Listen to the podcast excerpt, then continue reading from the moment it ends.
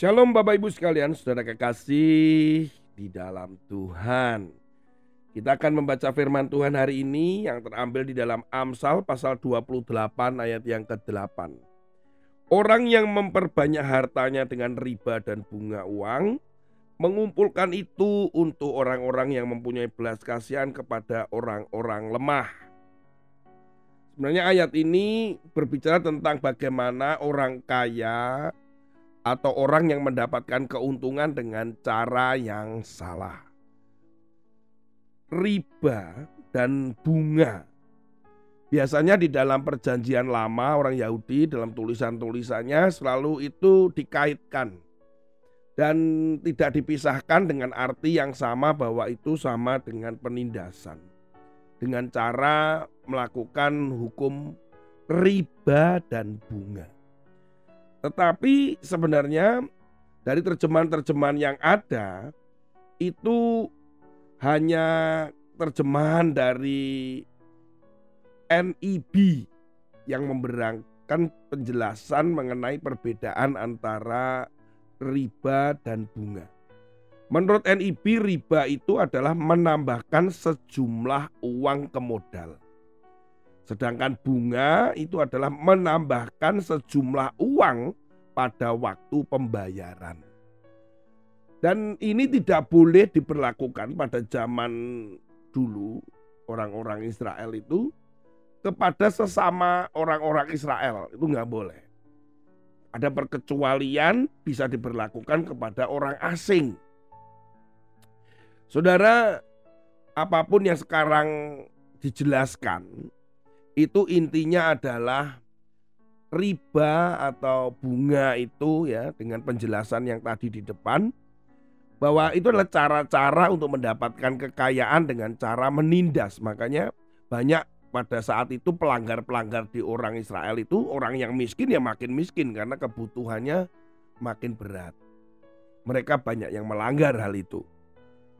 Nah, bagaimana saudara mendapatkan keuntungan hari-hari ini? Bagaimana saudara diberkati? Apakah saudara mendapatkan berkat itu dengan cara-cara yang benar sesuai firman Tuhan atau saudara menggunakan cara-cara yang salah? Begitu saja, nggak usah ngomong riba dulu, nggak usah ngomong bunga. Tapi bagaimana saudara mendapatkan keuntungan? Apalagi kalau mendapatkan keuntungan dengan menindas orang lain. Ada beberapa prinsip yang kita harus hati-hati. Yang pertama adalah ketika saudara bekerja, berusaha, dan berkat itu saudara dapatkan, maka gunakanlah dengan cara-cara dalam usaha saudara. Itu adalah cara-cara yang benar. Walaupun mungkin dengan cara yang salah saudara bisa mendapatkan itu, dengan menindas saudara mendapatkan itu.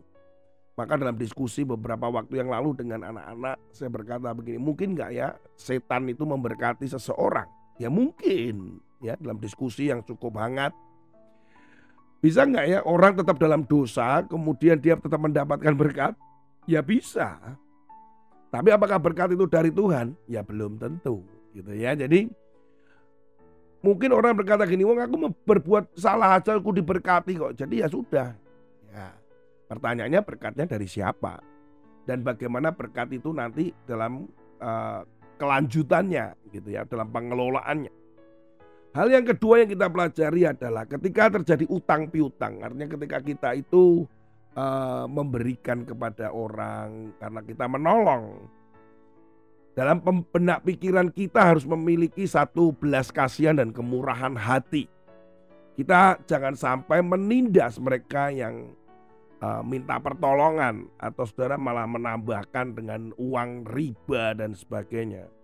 Itu itu juga berlaku bagi prinsip di keluarga kami. Kalau ada orang mau pinjam ya itu artinya kami sudah siap melepas. Sudah siap melepas. Kalau seandainya dia tidak membayar dan sebagainya, ya sudah. Gitu. Siap melepas. Karena apa? Kalau memang itu terjadi ya sudah. Beberapa waktu lalu juga demikian. Orang dalam kesulitan ditipu orang. Kemudian dia menghubungi saya. Dan Tuhan berkata di dalam hati saya ya kasih ya kasih gitu. Tapi Apakah kemudian ya, kamu anu loh harus bayar loh ya enggak saya diem aja karena saya sudah mempersiapkan diri saya itu tidak kembali.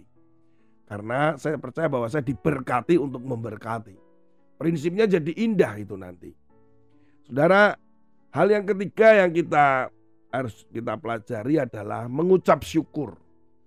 Karena dengan keinginan untuk kaya, kaya, kaya, kaya itu kita nggak pernah mengucap syukur, maka sering kali orang kaya atau orang yang menginginkan kekayaan berlebih akan jatuh dalam berbagai-bagai pencobaan. Firman Tuhan juga katakan begitu di perjanjian baru. Orang akan banyak jatuh dalam berbagai pencobaan karena keinginannya untuk menjadi kaya. Sudah yang kasih dalam Tuhan, mari kita introspeksi masing-masing. Jangan menindas orang. Kemudian saudara harus hati-hati hidup benar-benar takut akan Tuhan. Ketika saudara bekerja, investasi semuanya Sekecil apa pun kita belajar untuk menyenangkan hati Tuhan dengan cara yang benar, bukan dengan cara yang salah. Tuhan Yesus memberkati saudara. Semoga renungan ini menjadi renungan yang menguatkan saudara dan terus hidup benar di hadapannya. Haleluya.